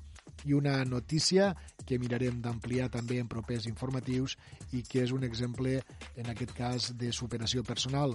Un del Tebrenc, amb diversitat funcional, ha aconseguit pujar fins al cim de la Foradada, al terme municipal de la Ràpita, a la Serra del Montsià. Aquestes han estat les notícies que eh, ara mateix estan duent els diferents eh, diaris, els diferents mitjans digitals, i amb la qual arribem al final d'aquesta hora pràcticament de notícies al dia Terres de l'Ebre. Ara fem una aturada, recorden que tenim la desconnexió publicitària, després el butlletí informatiu dels companys de la xarxa i tornarem a estar en tots vostès a partir de les 2 i 4 minuts. Per tant, no se'n vegin que encara tenim molts de continguts, hem d'anar de poble en poble, hem de conèixer l'excursió del dia d'avui amb el nostre col·laborador, també l'entrevista en la qual intentarem aprofundir, aprofundir en, aquest, en aquesta acció que ha dut a terme Unió de Pagesos avui a Deltebre i evidentment també hem de parlar de la secció de salut, ja que avui és dimecres. Això, però, com dèiem, tot això serà a partir de les 2 i 4.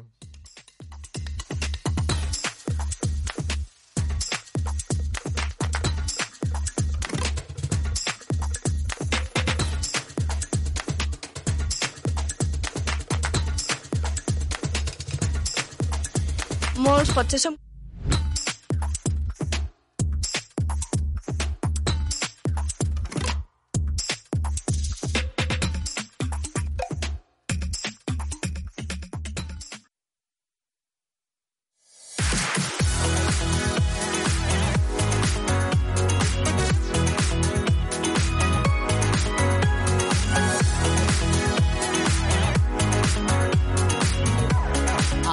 Terres de l'Ebre, amb Josep Pitarch. Després de les notícies de la xarxa i quan són 4 els minuts que passen del punt de les 2 de la tarda, tornem a saludar-los, tornem a estar amb tots vostès. En aquest cas, eh, per oferir-los eh, molts de continguts també en aquesta segona hora del dia Terres de l'Ebre, aquest magazín informatiu que de manera conjunta fem a través de sis dials de ràdio, a través de les emissores municipals de la Plana Ràdio Santa Bàrbara, de Ràdio Tortosa, la Cala Ràdio a la Mella de Mar, Ràdio Joventut a Mas d'Enverge, Ràdio Delta del Tebre i a través també d'Amposta Ràdio. En la primera hora els hem explicat les notícies, unes notícies que en aquest dimecres, en aquest 5 de febrer, presenten els següents titulars.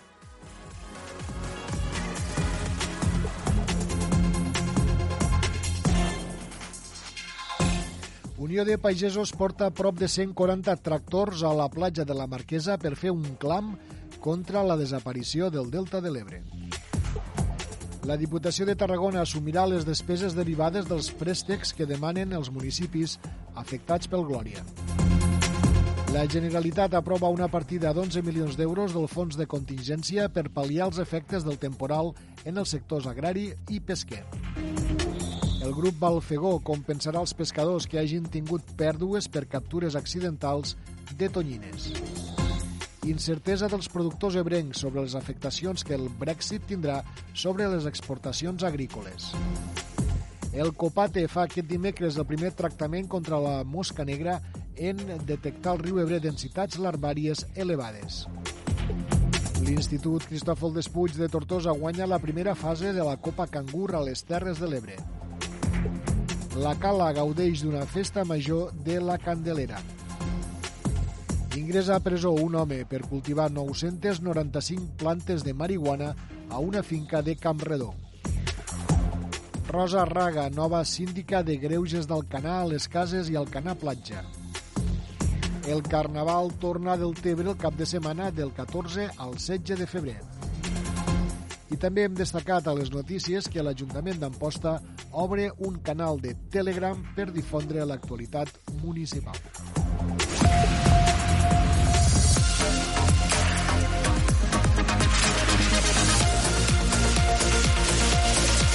Al dia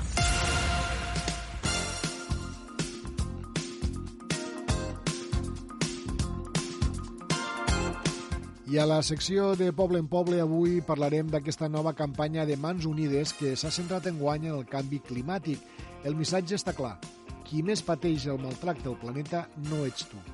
L'objectiu és conscienciar sobre les conseqüències del canvi climàtic als països més pobres i també sobre el model de consum del primer món. Avui, des de Ràdio Tortosa, Clàudia Ruiz eh, conversarà uns minuts amb la presidenta i vicepresidenta de Mans Unides a la diòcesi de Tortosa, així que també com en una de les coordinadores d'un dels projectes als quals l'ONG dona suport en aquesta edició. Per tant, Clàudia, quan tu vulguis. Molts potser som conscients eh, d'aquests efectes mediambientals que causa el canvi climàtic, però potser molts no tenim tan presents les conseqüències de pobresa eh, que comporta aquest canvi climàtic en molts països. I d'això va la campanya d'aquest 2020 de Mans Unides sota el lema Qui més pateix el maltractament al planeta no ets tu. I per parlar-ne d'aquesta campanya avui ens acompanyen la vicepresidenta de Mans Unides a la diòcesi de Tortosa, Elena Tortajada. Bon dia. Bon dia. Ve també la presidenta de Mans Unides a la diòcesi de Tortosa, Cristina Contreras. Bon dia. Y saludamos especialmente a Silvia Heredia, misionera laica y coordinadora del programa socioeducativo Paso a Paso. Bienvenida. Gràcies. Buenos días. Bé, posem-nos una mica en context i expliquem en què consisteixen aquestes campanyes que organitzeu des de Mans Unides anualment. Eh, des de quan també s'organitzen aquestes campanyes? Sí, eh, Manos Unidas es una organización no gubernamental que lleva ya 61 años trabajando eh, para luchar contra el hambre y para poner de manifiesto situaciones injustas en el, en el planeta. No solo, o sea, nosotros no actuamos en el en ámbito nacional, sino internacional. Eh, quizás porque los más desfavorecidos no se encuentran cerca de nosotros, eh, sino que lo encontramos en países que podemos denominar hoy en día países empobrecidos, uh -huh. porque no queremos hablar de países subdesarrollados ni en vía de, desarrollo, porque lamentablemente es, en esos países eh, hay personas que mmm, viven muy mal, pero hay personas que viven muy bien. Entonces, eh, según el eslogan de este año, tenemos como premisa el, el, hecho de decir que quien más sufre el, mal, el, el, maltrato del planeta no somos nosotros, no eres tú, sino que son aquellos países empobrecidos que ven reflejado cada acto uh -huh. de inconsciencia que nosotros practicamos. Eh, las campañas de Manos Unidas eh, van divididas en trienios y este año sería el, el segundo año de campaña que va dedicado a los derechos humanos. Molt bé, eh, com dèiem, eh, enguany no pot ser d'una altra manera que la campanya centrar-se en aquesta emergència climàtica, perquè, com dèiem al principi, potser no som conscients del nivell de provesa que causa aquest maltractament al planeta, perquè ens fem també una idea, diguem, com dèiem vosaltres, no? altres campanyes s'han centrat en el que és l'alimentació i si no cuidem el planeta, de quina manera ens afecta en aquesta alimentació? Tots els desastres meteorològics, a conseqüència d'aquest accelerament del canvi climàtic, estan afectant molt més als països més empobrits, en sequeres, en, en les collites, etc. I això tot repercuteix en, en, en més pobresa encara. Mm. Perquè se, se, en este canvi climàtic se preveu que d'ací 50 anys l'augment de la fam augmente. Que hi hagi més, més, més, més persones eh, en situació de, de fam. Yo también me gustaría añadir que el tema de, del cambio climático eh, está relacionado también al nivel de consumo que hay en algunos países que al final, bueno, el nivel, por ejemplo, en Europa de consumo de las energías limpias o de todas estas cosas afecta directamente a nuestros países. En uh -huh. este caso, por ejemplo, yo que vengo de, de Centroamérica, donde llegan hidroeléctricas, fotovoltaicas, o, o, bueno, todas estas, eh, o la minería, ¿verdad? Cómo hace, por ejemplo, eh, que las personas se tengan que desplazar de, de, su espacio, cómo asesinan, ¿verdad?, a ambientalistas, como pudo ser Berta Cáceres o como pueden ser muchas defensoras que hoy están amenazadas de muerte por defender el, el tema del río, ¿verdad?, que aquí se mira como un recurso y eso es empobrecer y eso es el cambio climático, ¿no?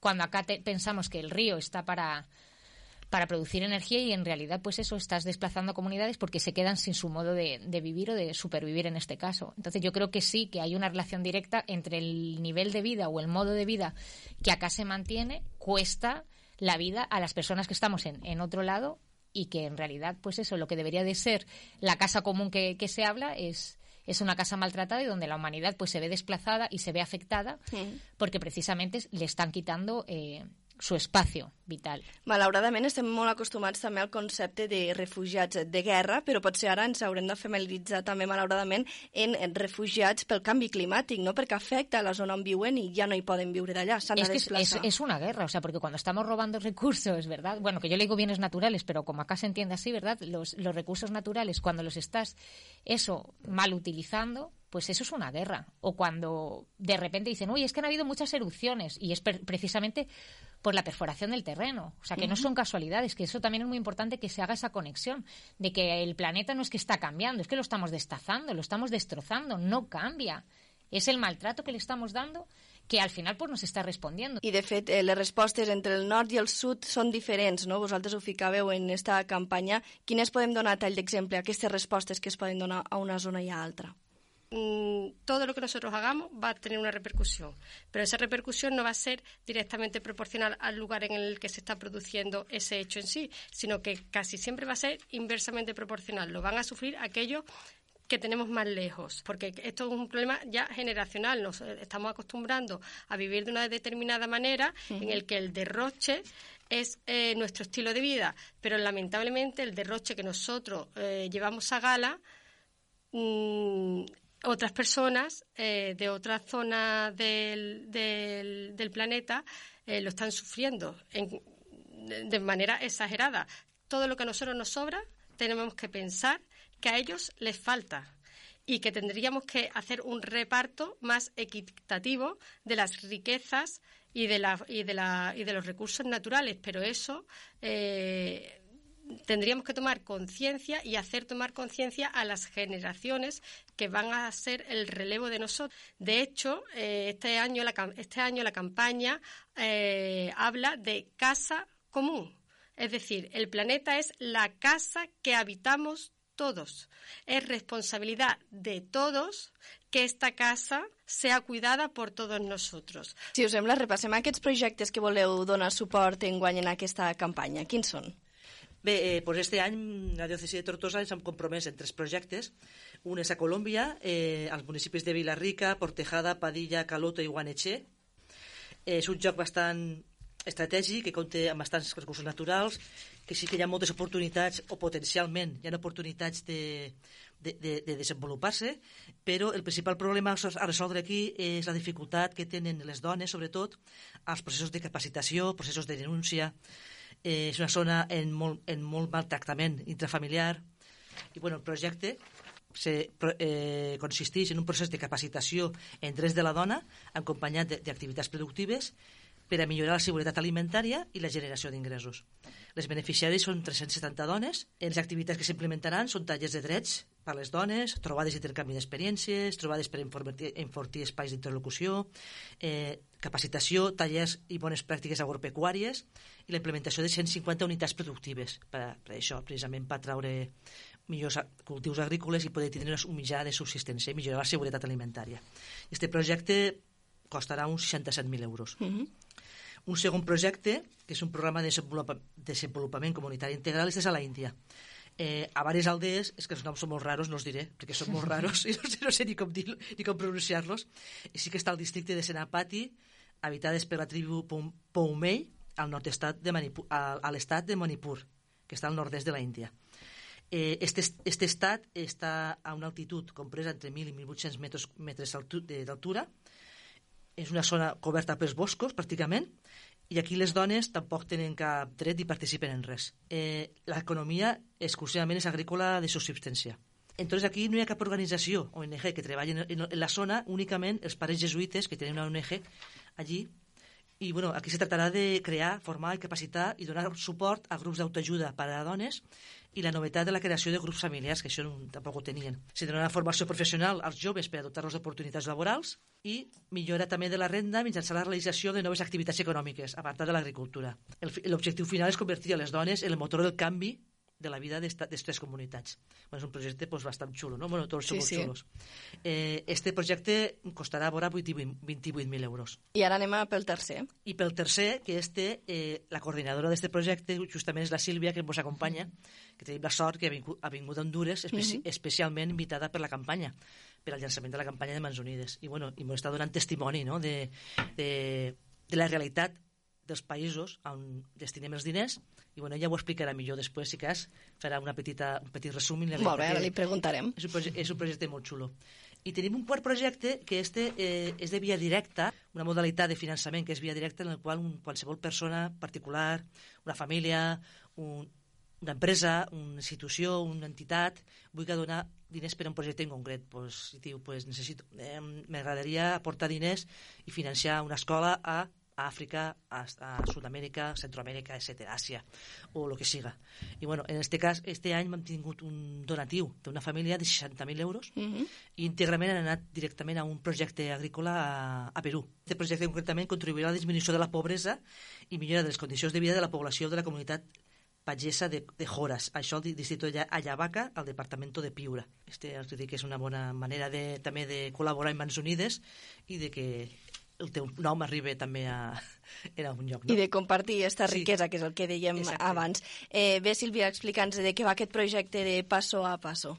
Eh, pues Paso a Paso es un programa de prevención. Trabajamos con menores y con familias en situación de riesgo, aproximadamente con 250 menores y unas 60 familias en uno de los sectores más empobrecidos de, de Honduras, en San Pedro Sula, en la Ribera Hernández. Nuestra idea es eso, a través de una educación para la vida, poder dar oportunidades eso de crecimiento, de desarrollo y de, y de vida mm.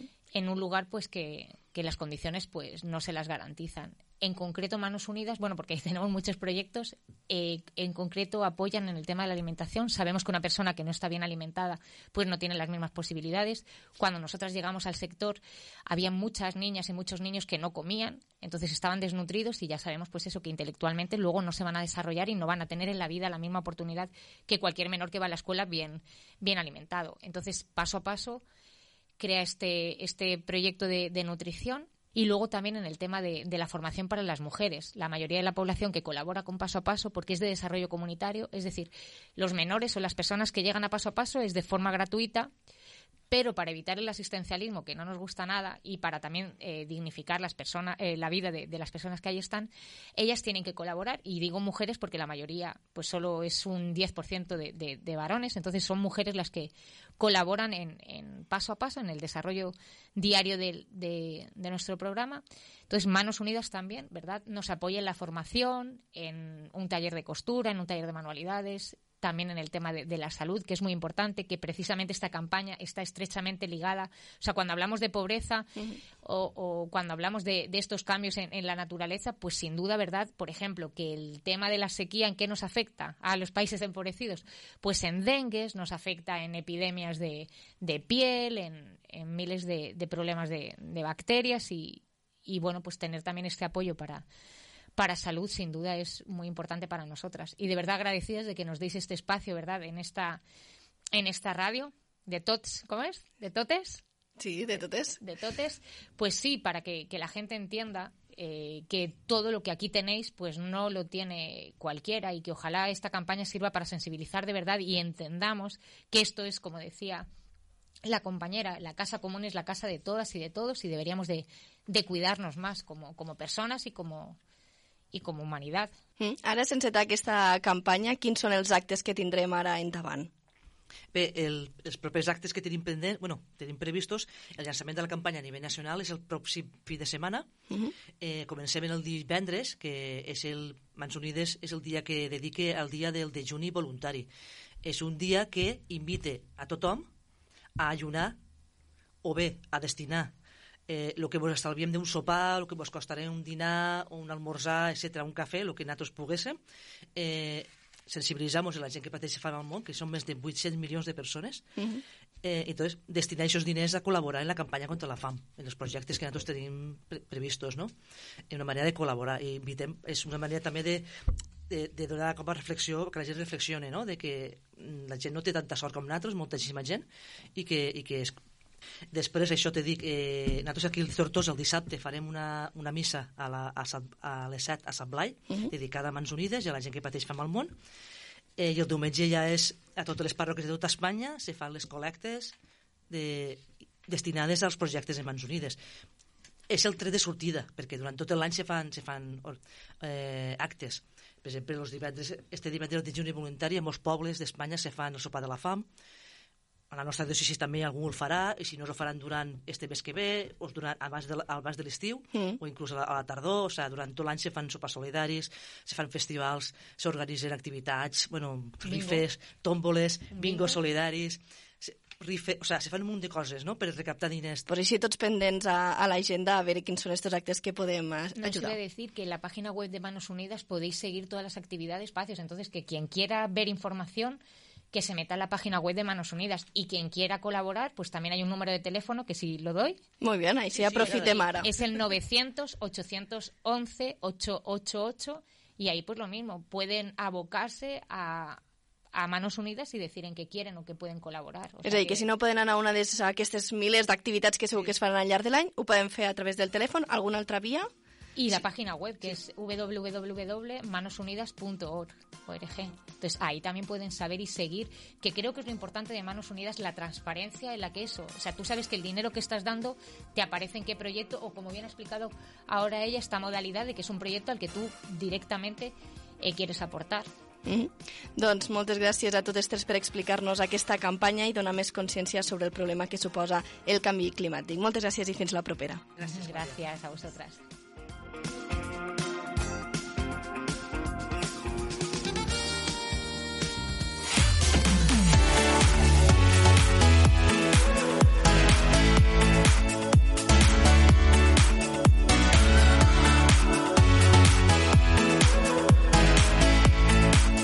Dia, l'agenda de les Terres de l'Ebre. És moment ja de conèixer les principals activitats pel que fa a l'agenda. Tenim pocs minuts, així que anirem de manera ràpida. Començarem amb una connexió als estudis de Ràdio Tortosa, justament per tornar a parlar amb la nostra companya Clàudia Ruiz, a qui saludem de nou. Clàudia, bon dia. Bon dia, Josep. Avui a l'agenda us presentem l'activitat de llegir el teatre amb Xavier Aragó amb l'obra La Casa de les Aranyes. Serà avui dimecres a la Biblioteca Marcelí Domingo de Tortosa a partir de les 7 de la tarda. I demà dijous a les 6 de la tarda tenim la conferència organitzada per l'Acadèmia de Ciències Mèdiques i de la Salut de Tortosa i de les Terres de l'Ebre, que es parlarà sobre la presa de decisions anticipades pas a pas amb els pacients i anirà a càrrec de Cristina Las Maries, directora adjunta de la Càtedra de Cures Paliatives a la Universitat de Vic. Recordem, és a les 6 de la tarda al campus de les Terres de l'Ebre. Recordem també que a partir de les 8 del vespre l'antic escorxador actual Espai de la Jota es presentarà el documental El Mas de la Solfa de Júlia Urgell i que també comptarà amb la participació de Josep Lluís Villa i Arturo Gaia. I finalment el divendres us destaquem la presentació del llibre El referèndum inevitable del judici endavant, escrit per Carles Mundo. Serà a les 7 i mitja de la tarda a la Biblioteca Marcelí Domingo de Tortosa. Moltes gràcies. Nosaltres anem cap als estudis de Ràdio Delta per tal de saludar el nostre company Eduard Carmona. Bona tarda. Bona tarda, Josep. Avui us portarem unes activitats també, eh, igual que ahir, encarades al cap de setmana. Per exemple, activitats que comencen a la biblioteca, eh, a la biblioteca Delta de l'Ebre, com és a les 11 i mitja del matí d'aquest dissabte, dia 8, una assemblea i presentació de la Comissió de les Terres de l'Ebre de l'Associació d'Artistes Visuals de les Comarques del Sud. Dissabte 8 a les 11 i mitja del matí. També, dissabte 8 de febrer, se celebrarà, eh, hi haurà els actes de celebració de Santa Àgueda per part de l'Associació de Dones de Deltebre. Començarà a les 12 amb una missa a la parròquia de l'Assumpció i la festa seguirà amb un dinar a l'Hotel Rull. Tot seguit hi haurà ball, hi haurà l'anunci de la nova pubilla de l'Associació la, de, de Dones per a aquestes fires i festes d'enguany i moltes activitats més que totes les dones poden apuntar-se i poden anar a gaudir d'aquesta festa. També el dissabte 8 de febrer tindrà lloc el concert dels 40 anys de la banda de la Societat Musical Espigador, un concert que farà un tribut al rock català. Serà a partir de les 10 de la nit al pavelló Andrés Ferri del Centre Esportiu del Delta. I també dissabte 8 i diumenge 9 hi haurà el tercer The Gold Tuning Show, una, una congregació d'amants del tuning en la qual podrem gaudir de diferents activitats, com ara una rua nocturna pels carrers de Deltebre, també eh, una exhibició, proves d'il·luminació, puntuació de cotxes, motos, entrega de trofeus, eh, és a dir, hi haurà un petit concurs també, xocolatada gratuïta per tots els participants i moltes activitats més. Moltes gràcies, Eduard, i encara tenim temps per a saludar a Judit Castells, als estudis de Ràdio Joventut, amb els d'Enverge. Judit, bon dia. Bon dia, Josep. Doncs avui des de Ràdio Joventut us apropem dues propostes culturals. Per una banda, l'exposició de pintura en femení d'Anna Bas, que se durà a terme al Centre d'Interpretació de la Terrissa de la Galera a partir d'aquest dimecres 5 de febrer. Consisteix en un conjunt d'obres de gran format i tècnica mixta on el tema recurrent és la dona. Obres plenes de misteri, vitalitat i força com la mateixa dona generadora de vida màgica i íntegra, que ens ajudaran a reflexionar alhora que ens permetran gaudir gràcies a una tècnica pulcra i cuidada. I encara en àmbit cultural a la Ràpita s'està donant a terme l'exposició Camins de Ronda, que proposa un recorregut per la diversitat de paisatges i maneres de viure d'uns senders que uneixen tota la costa catalana. Amb dues exposicions són d'entrada lliure i gratuïta. I ens quedem a la Ràpita perquè en àmbit gastronòmic, el municipi aquest divendres començarà la setena jornada gastronòmica de la Galera. Unes jornades on s'oferiran exquisits menús gastronòmics amb la galera com a ingredient estrella, producte local i de qualitat típic de la Mar de l'Ebre. Uns menús que aniran maridats amb vins de la Dó, Terra Alta i altres productes locals i de qualitat com són l'arròs, la carxofa o l'oli d'oliva verge.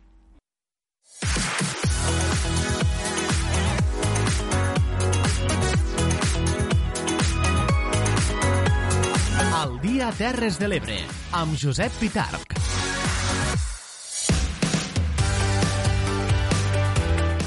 Les dues i mitja en punt, ho diem al principi del programa, ho diem a l'inici de les notícies. Segons el càlcul del Sindicat Unió de Pagesos, la tempesta Glòria va deixar un impacte de 2.628 hectàrees de cultiu d'arròs del Delta de l'Ebre afectades per l'entrada d'aigua de la mar, així com múltiples més d'afectades pels desperfectes causats pels aiguats. Comptant la pèrdua de producció d'enguany en aquestes parcel·les i els costos que comportarà rentar-les i tornar-les a deixar en condicions per a ser treballades, el sindicat eleva fins a 1.700.000 euros l'impacte econòmic total del temporal. Per aquest motiu, Unió de Pagesos ha convocat una tractorada aquest matí per tal d'alçar la veu i protestar contra la desaparició progressiva d'aquest espai. Un acte, com hem explicat, en el que han pres part al voltant d'uns 140 tractors del nostre territori. Senyor Albert Pons, bon dia.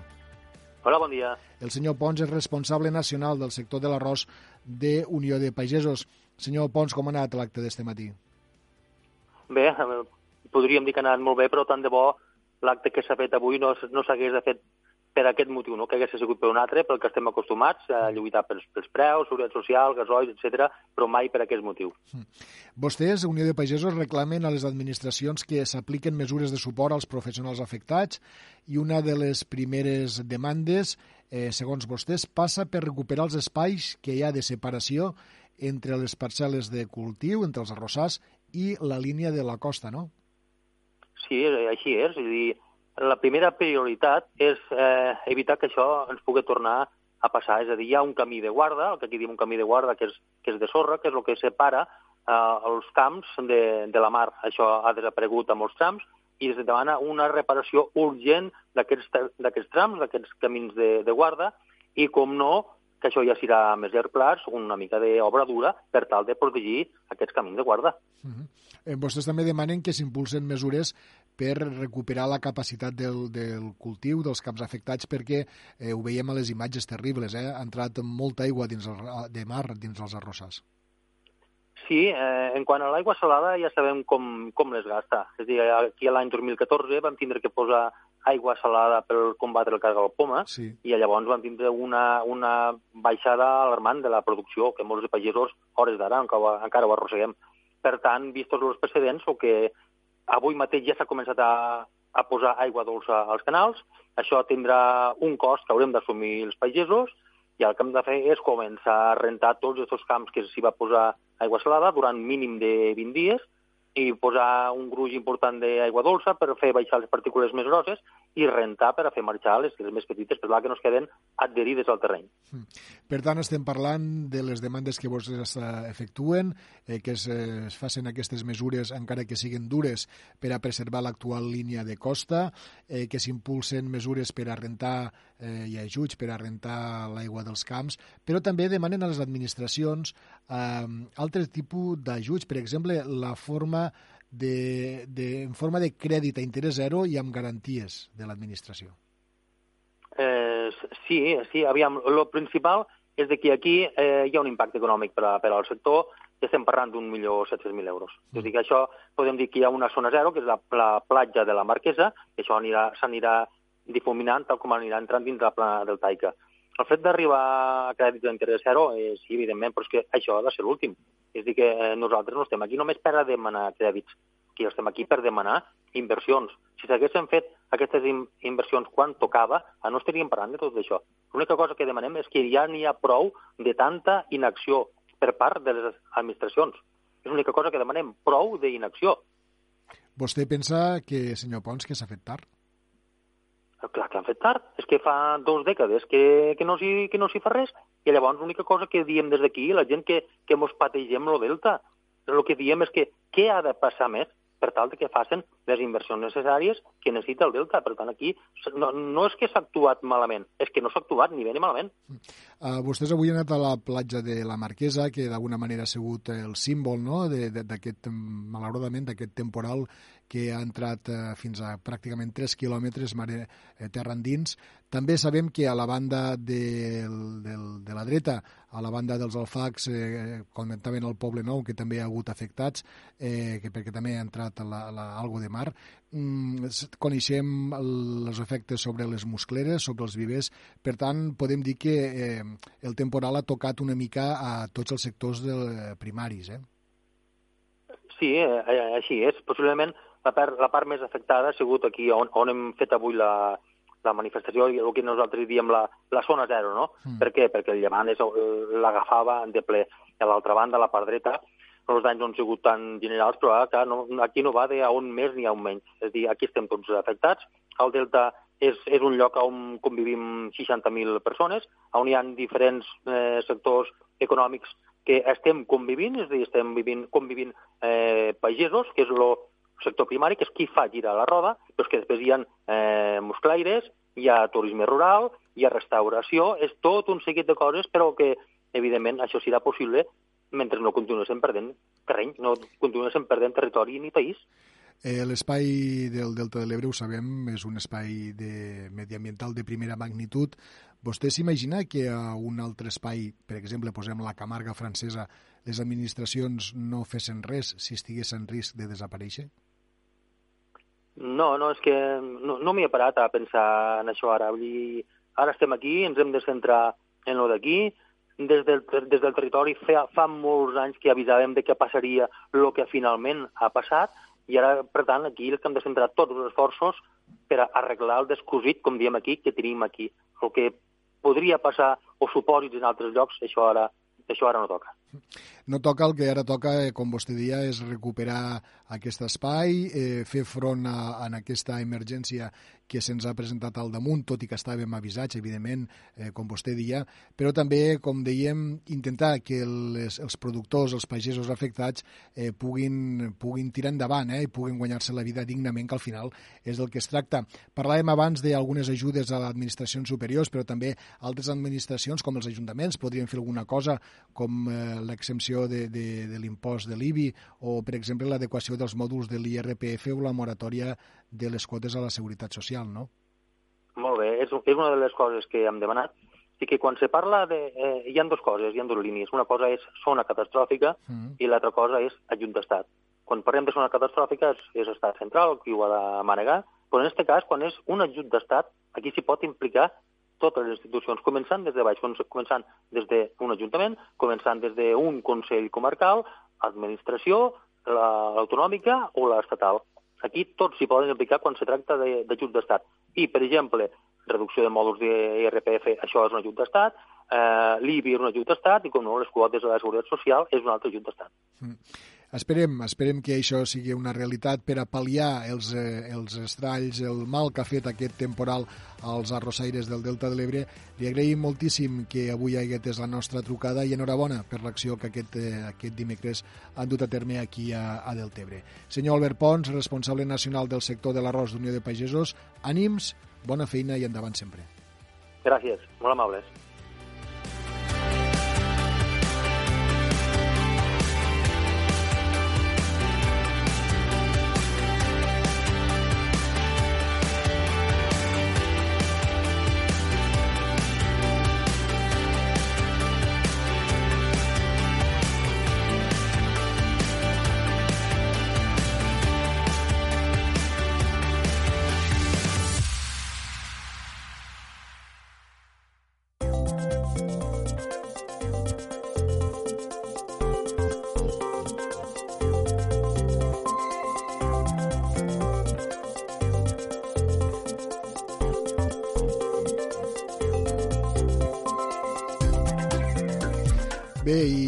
Nosaltres continuem amb més continguts al nostre programa. Eh, deixem ara la plana del Taika perquè eh, me sembla que hem d'anar una mica més amunt després de repassar eh, el que ha estat aquesta acció que aquest matí ha fet el Sindicat Unió de Pagesos al Delta de l'Ebre, aquesta tractorada en la que han participat al voltant d'uns 140, 140 tractors.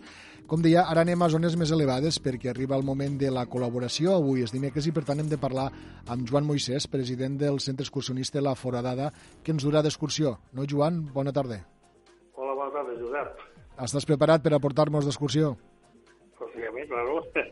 Avui aniríem, aniríem a, pels voltants d'Amposta, a la zona del Cabiscol, es diu això. Sí, bueno, ara, ara, antigament era el Cabiscol, però ara és temps de terra, allò del que fan els calçots i tot. Ja sí, sí, sí. Molt bé, i per allí, per estos voltants, què podem veure, Joan? Pues bueno, eh, se va el cotxe allí a, el que és el Favaret, a la rotonda que vas Tortosa, Amposta, Santa Bàrbara, s'agafa la carretera antiga original, sí. el Favaret, uh -huh. i anar seguint la carretera antiga, i llavors ja ficaria un indicador que fica dents de terra, uh -huh. hem de fer cap allí. Arribarem a la finca esta, eh, quan arribéssim ja veurem que hi ha unes rajoles molt, molt boniques, fica Cabiscol, sí. i llavors allí eh, aparquem el cotxe els aparcaments que hi ha per allí. I llavors allí podem fer una volteta d'una horeta o de mitja, perquè també hi ha una excursió que podria anar a veure la barca de Quicoli, però això és més complicat. Esta volteta d'aquí d'avui és molt xula. A veure, explica. Eh, arribem allí al, al temps de terra, l'antic Cabiscol, sí. i allí podem deixar els cotxes ja, com m'he dit, al, al que és l'aparcament de cotxes. Uh -huh. Hi ha dos aparcaments, un a la banda de dalt i l'altre a la banda de baix. Llavors hi ha un circuit, hi ha uns camins que porten, se comuniquen d'uns als altres. Llavors allí doncs, podem veure eh, ponis, que també hi ha els jovens pugen dalt dels ponis els, i es passegen per allí, hi ha oques, hi ha cavalls, hi ha gallines, hi ha patos, hi ha titos, saps? Això està cada, cada punt té una cosa. Hi ha, hi ha una ermita també, que ara l'ermita està, antigament el Cabiscol tenia una ermita, hi ha uns corrals, uns antics corrals, però estan així en runes, i llavors, pues, bueno, una volteta per allí és agradable a tota classe de gent, eh? Per fa, familiars, de menudets fins a grans. Molt bé, i una vegada sortim d'aquí, què podem veure? Pues bueno, una vegada sortim d'aquí, pues, llavors, no sé, per allí que podem veure, pues, podem anar, per exemple, sortim d'allí, perquè llavors això ho tenen tancat, diguem, mm. perquè no sortim els animalets i això. Mm. Però una vegada sortim d'allí, podem anar a veure el que és lo, la, el Montseny. O la barraca de Quicoli, sí. i llavors baixat del coll d'Amposta, una, una ruteta així, una ruteta circular. Però esta no està marcada, eh? Esta ja seria més la gent que és de pagar l'impost i això ja és més delicadeta, saps? Bé, és pot... facilita, però ja, més, ja les senderes no estan molt, molt transitades. Per tant, tenim tot el que ens ofereix aquest espai, eh, temps de terra, però també després podem pujar pel coll d'Amposta i, o baixar pel coll d'Amposta, però passant sí. per un monument que és una joia, que és la barraca de pedra en sec de Quicolis, que és una de les més destacades, tot i que això és terme de eh? Sí, sí. Mm. Sí, el que és el Cabiscol, que de terra això té terme d'Amposta. Sí. Però tenim un munt de temps allí per visitar este, i llavors sí que eh, l'amo no, no, dirà, no diria res, per exemple, perquè jo vaig parlar amb l'amo i dic, ja com és que ho teniu tancat això? Si són antics camins, diu, no, no, diu, però ho tenen tancat pels animals. Clar, però, diu, però allí ja fica un cartellet que fica, si jo obris, tanques la porta. Mm. Saps? Unes portes d'estes que hi ha, tu passes per allí, ja, i fas cap del que és lo, la, lo Montseny, allò que vam anar a navegar tu i jo. Sí. Mm -hmm. Passar el Montseny, el camí vell de les ràpides originals, visitar la barraca de Quicoli, i, i llavors pues, baixar pel coll d'Amposta i tornes a trobar el canyí. Molt bé, una zona que val molt la pena perquè està ple de barraques de pedra en sec, està pedre eh, d'altres elements patrimonials, també de fauna, eh? Hi ha algun jabalí, encara que Sí, algun, sí. algun és de fusta, Sí. eh? Sí, sí, sí.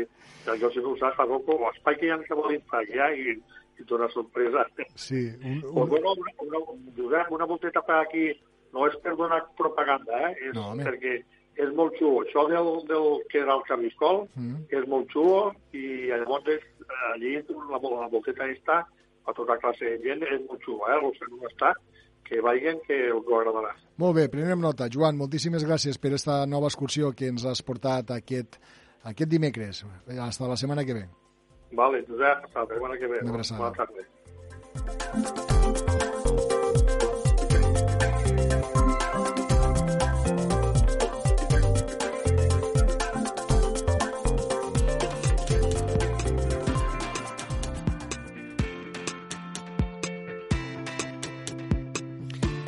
Efectivament una zona aquesta del Cabiscol que està com a mínim documentada, com a mínim a l'edat mitjana. Hi ha documents que parlen d'aquesta zona del terme municipal d'Amposta. Nosaltres ara continuem amb més, eh, amb més temes, continuem ja amb més continguts, ja que avui és dimecres i, per tant, dintre de la secció hem de parlar de salut i ja ho sabem que per a parlar de salut ens agrada eh, comentar nous descobriments científics però també eh, tecnologia i avui concretarem i avui concretament ho farem d'això, eh? Judit? Efectivament, Josep, amb l'àmbit sanitari la investigació científica és essencial, però també la tecnologia. De fet, avui anem a parlar d'una aplicació mòbil que s'ha dissenyat per fomentar la bona salut mental de les cuidadores. L'equip està liderat per la URB i per conèixer tots els detalls d'aquesta aplicació parlem amb Núria Albacar, la investigadora principal del projecte. Núria, molt bon dia i benvinguda al Dia Terres de l'Ebre. Bon dia, encantada d'estar avui amb vosaltres. El pla és nostre. Núria, primer de tot per situar els nostres oients, què és aquesta nova aplicació de mòbil que, que heu dissenyat? Per a què, en què consisteix? En un principi, nosaltres ja fa temps que estem treballant en cuidadores i eh, el que han fet ha sigut, pues, a part de donar una atenció presencial a les cuidadores que se fa a través de les infermeres d'atenció comunitària, eh, ara el que intentem és ajudar aquestes cuidadores a través de, a través de el disseny d'una app, una app, que la poden instal·lar al seu mòbil i sempre seria una ajuda complementària a lo que farien a l'assistència habitual en els CAPs. Estaríem parlant d'una aplicació dirigida per a les cuidadores de malalts cròniques, és a dir, d'unes persones que, durant, que es passen anys cuidant a una persona. Bueno, d'entrada sí, pues són persones que estan cuidant a una persona, han de tindre com a mínim entre els criteris d'inclusió que nosaltres vam dir, eren persones que cuidaven des de feia com a mínim sis mesos a una persona en una malaltia crònica que podia ser de qualsevol tipus, tant física com psicològica, i l'objectiu nostre pues, és intentar, sobretot, pues, empoderar aquestes cuidadores i el que volem fer és donar-les eines per a facilitar el seu autocuidado i, com a conseqüència, pues, millorar el seu estat psicosocial. Sí, perquè, és a dir, com afecta, com pot afectar perquè vosaltres aquesta aplicació és per fomentar la bona salut mental de les cuidadores. Com afecta a una persona el fet d'estar cuidant a una persona malalta possiblement les 24 hores del dia o durant 12 hores al dia?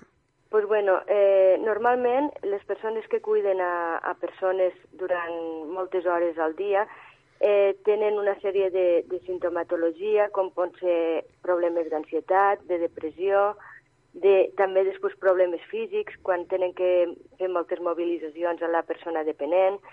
A més a més, també tenen problemes per a dormir, de, com a insomni, i tot això és el que els hi provoca moltes vegades, com, a més a més també, un malestar, una sensació de malestar i de cansament. Tot això va juntament en el que seria eh, problemes també que tenen a nivell de relacions socials, ja que degut a les hores que passen cuidant, moltes vegades pues, tampoc trenquen tot el que eren els vincles que tenien amb els seus amics i en el que eren les seues activitats de sortir fora de casa. Aquest acompanyament o empoderament de les cuidadores com sorgeix? És a dir, com, com se detecta que ho necessiten? Bueno, és una demanda que normalment ja fan, fan elles mateixes perquè eh, quan porten el familiar que està malalt a la consulta d'infermeria al CAP, moltes vegades també elles presenten una sèrie de símptomes que són els que he explicat abans i que és quan elles mateixes diuen que necessiten algun tipus d'ajuda per a poder eh, eh, sobreviure aquesta situació de, de cuidar. I és quan nosaltres sempre hem pensat que eh, és important treballar des de lo que nosaltres diem la salut mental positiva, no només sobre aquests aspectes negatius que ja hem comentat que sorgeixen com a conseqüència del cuidar, sinó que fomentar tots aquells aspectes que són positius, que la persona ja els porta dintre d'ell, d'ella, però que això li pot ajudar a, a millorar el seu benestar Aquesta i la seva qualitat de vida. Exactament. Aquesta, aquesta aplicació com funciona? Perquè és empoderar aquestes altres, altres qualitats positives que té la persona, com se fa? És a dir, l'aplicació quan l'obres o quan elles l'obren, com funciona? Bueno, el, el programa d'entrada està fet per a que l'utilitzen durant un mes. I el que se fa és que cada dia pel matí, eh, a l'hora que la cuidadora ha, ha predeterminat, pues, se li envia una frase motivadora. I aquesta frase motivadora el que li fa és que bueno, fa que el mòbil ja se connecta directament en l'app. Eh, se li dona la frase i després també se li pregunta una mica quin és el seu estat emocional d'aquell dia, com se troba aquell dia, si se troba bé, si se troba regular, si se troba eh, deprimida, i a partir de ella pot anar seguint els passos que, que li van proposant, el fer alguna activitat per a eh, millorar el seu estat o per a mantenir aquest estat a lo millor d'intentar que estigui el millor possible. I aquí és quan treballem pues, l'estat emocional de la, en aquesta activitat que se li proposa diàriament. Durant un, cada, me, cada dia se li proposa una activitat. Molt bé, i a partir d'aquí vosaltres eh, doncs, sabeu com estan les cuidadores, com, la pode com les podeu ajudar. Quin és el rang d'edat de la gent que cuida d'altres? No sé bueno, si... Eh, eh, clar, això d'entrada pensàvem que podria ser un, una petita limitació del nostre projecte per l'edat de les cuidadores. Normalment són persones actualment encara bastant grans, superen totes les 65 anys, és una mitjana alta d'edat, però el que sí que ens hem adonat és que les persones grans també eh, saben utilitzar perfectament els mòbils i qualsevol persona que sàpiga utilitzar, per exemple, el WhatsApp pot utilitzar l'aplicació, perquè és una aplicació feta en molt fàcil, en uns passos molt fàcils, de tal forma que, que quasi totes les persones que han volgut que, i que els hem considerat per a poder participar en el projecte no han tingut problemes a l'hora d'utilitzar l'app la, per l'edat. Molt bé. De moment, quantes persones l'han utilitzat, aquesta aplicació? Bueno, pensa que això és un projecte, un projecte per a avaluar la, eh, si realment és efectiva o no aquesta uh -huh. app. I els projectes normalment són assajos clínics i en aquest cas se va fer en 110 per 108 persones, exactament, de les quals la meitat utilitzaven l'app més l'atenció que se'ls dona als, als CAPs i l'altra meitat de persones només anaven al CAP en la seva eh, infermera i seguien el, el que seria l'ajuda la, habitual que, que tenien abans ja. Llavors, el que se fa després és fer un estudi comparatiu per veure si unes al final de, de, de, de al final de, quan ja han utilitzat l'app, estan eh, tenen uns valors més alts de salut mental positiva que les altres que no l'han utilitzat. Uh -huh. Unes dades que això quan se coneixerà més o menys, Núria? No sé quan bueno, podreu pues ara... extreure aquestes conclusions. Bueno, ara de moment tenim unes, unes, uns resultats preliminars encara, però que estem ja analitzant els resultats finals, que la veritat és que són esperançadors perquè realment pensem que, que serà molt positiva la, la, la utilització de l'app i que estan sortint uns resultats, uns resultats positius Eh, esperem que en breu, en un mes, dos mesos, aquests resultats estiguen analitzats i publicats. Perfecte, així ja podrem conèixer al 100% l'efectivitat de l'aplicació. Comentàvem al principi que l'equip que ha dissenyat aquesta aplicació, aquest projecte està liderat per la URB. De quantes persones estaríem parlant? Bueno, aquí l'equip és un grup multidisciplinar bastant important. També dic que jo no sóc només la, la investigadora principal, també està la doctora Ferrer que pertany també al Departament d'Infermeria i està a Tarragona, però a part també tenim pues, eh, col·laboracions de lo que seria el Departament de eh, informàtica, d'Enginyeria Informàtica i Matemàtiques de la Universitat Rovira i Virgili, també ens ha col·laborat perquè tot el que seria ja el disseny informàtic necessitem d'informàtics per a fer-ho, per a fer la creació també d'esta app i a més a més també hem necessitat eh, dissenys gràfic, el disseny gràfic, que és la part tota de gamificació i de creació del personatge. I després necessitem pues, infermeres que estan eh, assistencials, que, que treballen en, los, en les cuidadores i que són les que tenen que facilitar-nos tot el que són la, les cuidadores per a que utilitzen esta app sigui que l'equip és important i és un equip eh, gran, ja dic, parlem de, de persones que treballem a la universitat, al Departament d'Infermeria, eh, persones que treballen en, el Departament d'Informàtica, el disseny de la gamificació, infermeres assistencials i, per supost, la necessitat de les cuidadores que participen en el projecte, que de forma eh, voluntària han participat. O sigui que l'equip és molt important i molt gran. Sí, Núria, un equip molt divers. Núria, per, ja per anar acabant, perquè ja se'ns acaba el temps, no sé si hi ha alguna cosa que hauríem de saber d'aquesta aplicació mòbil que encara no sabem o que no n'hem parlat aquí a l'entrevista. Bueno, pues que ara esperem que quan ja tinguéssim els resultats, pues ara ja el que tindrem que fer una mica és el registre de lo que seria l'app i intentar comercialitzar-la, o sigui que ja seria, eh, el final del treball serà pues, que aquesta app estigui a la, a la base de totes les cuidadores i que ve a través de les eh, aplicacions, de tant dels eh, del Play Store o de la, tant de les aplicacions que tenen eh, los Androids o el sistema eh, iOS. App, bueno, d'Apple iOS, pues que puguen baixar-se als seus telèfons i que els servisqui d'ajuda perquè la nostra finalitat al, al fi i al cap és ajudar aquestes cuidadores i que està doncs, hi sigui útil. O sigui que això és el que esperem en un futur pròxim. Perfecte, doncs Núria Albacar, una de les investigadores principals del projecte de fomentar la bona salut mental de les cuidadores a través d'una aplicació de, mòdul, de mòbil, que de fet l'equip ha estat liderat per la URB. Des d'aquí us donem les gràcies per tota aquesta informació i també doncs, us donem molts d'ànims per continuar treballant per, per tota la gent, en aquest cas per les cuidadores, i també esperem que el projecte, que aquesta aplicació doncs, sigui tot un èxit i ben aviat ja pugui estar a la Play Store de molts de mòbils. Pues moltes gràcies també a vosaltres per comptar eh, en nosaltres. Gràcies, Judit. Només en resta el temps eh, suficient per a presentar per a donar la benvinguda a Manel Ramon i que ens expliqui quins tertulians tindrem avui i de què parlarem a la tertúlia al Cafè de la Tarda. Manel. Doncs eh, bona tarda a tots. Efectivament, avui parlarem a la tertúlia d'un tema que avui és lo principal, és aquesta manifestació dels pagesos, una tractorada de més de 100 tractors, 140 crec que, sí. que hem comentat, 140 tractors que han fet aquesta protesta per tal de que es prenguen mesures per millorar el tema del sector agrari i especialment també se n'ha parlat de la regressió del Delta, uh -huh. demanant per part dels pagesos eh, accions ràpides i contundents entre cometes, eh, mesures eh, dures. Ho parlarem d'aquests i altres temes amb Josep Tomàs Margalef, parlarem amb Francesc Miró i amb Assumpta Arassa al Cafè de la Tarda.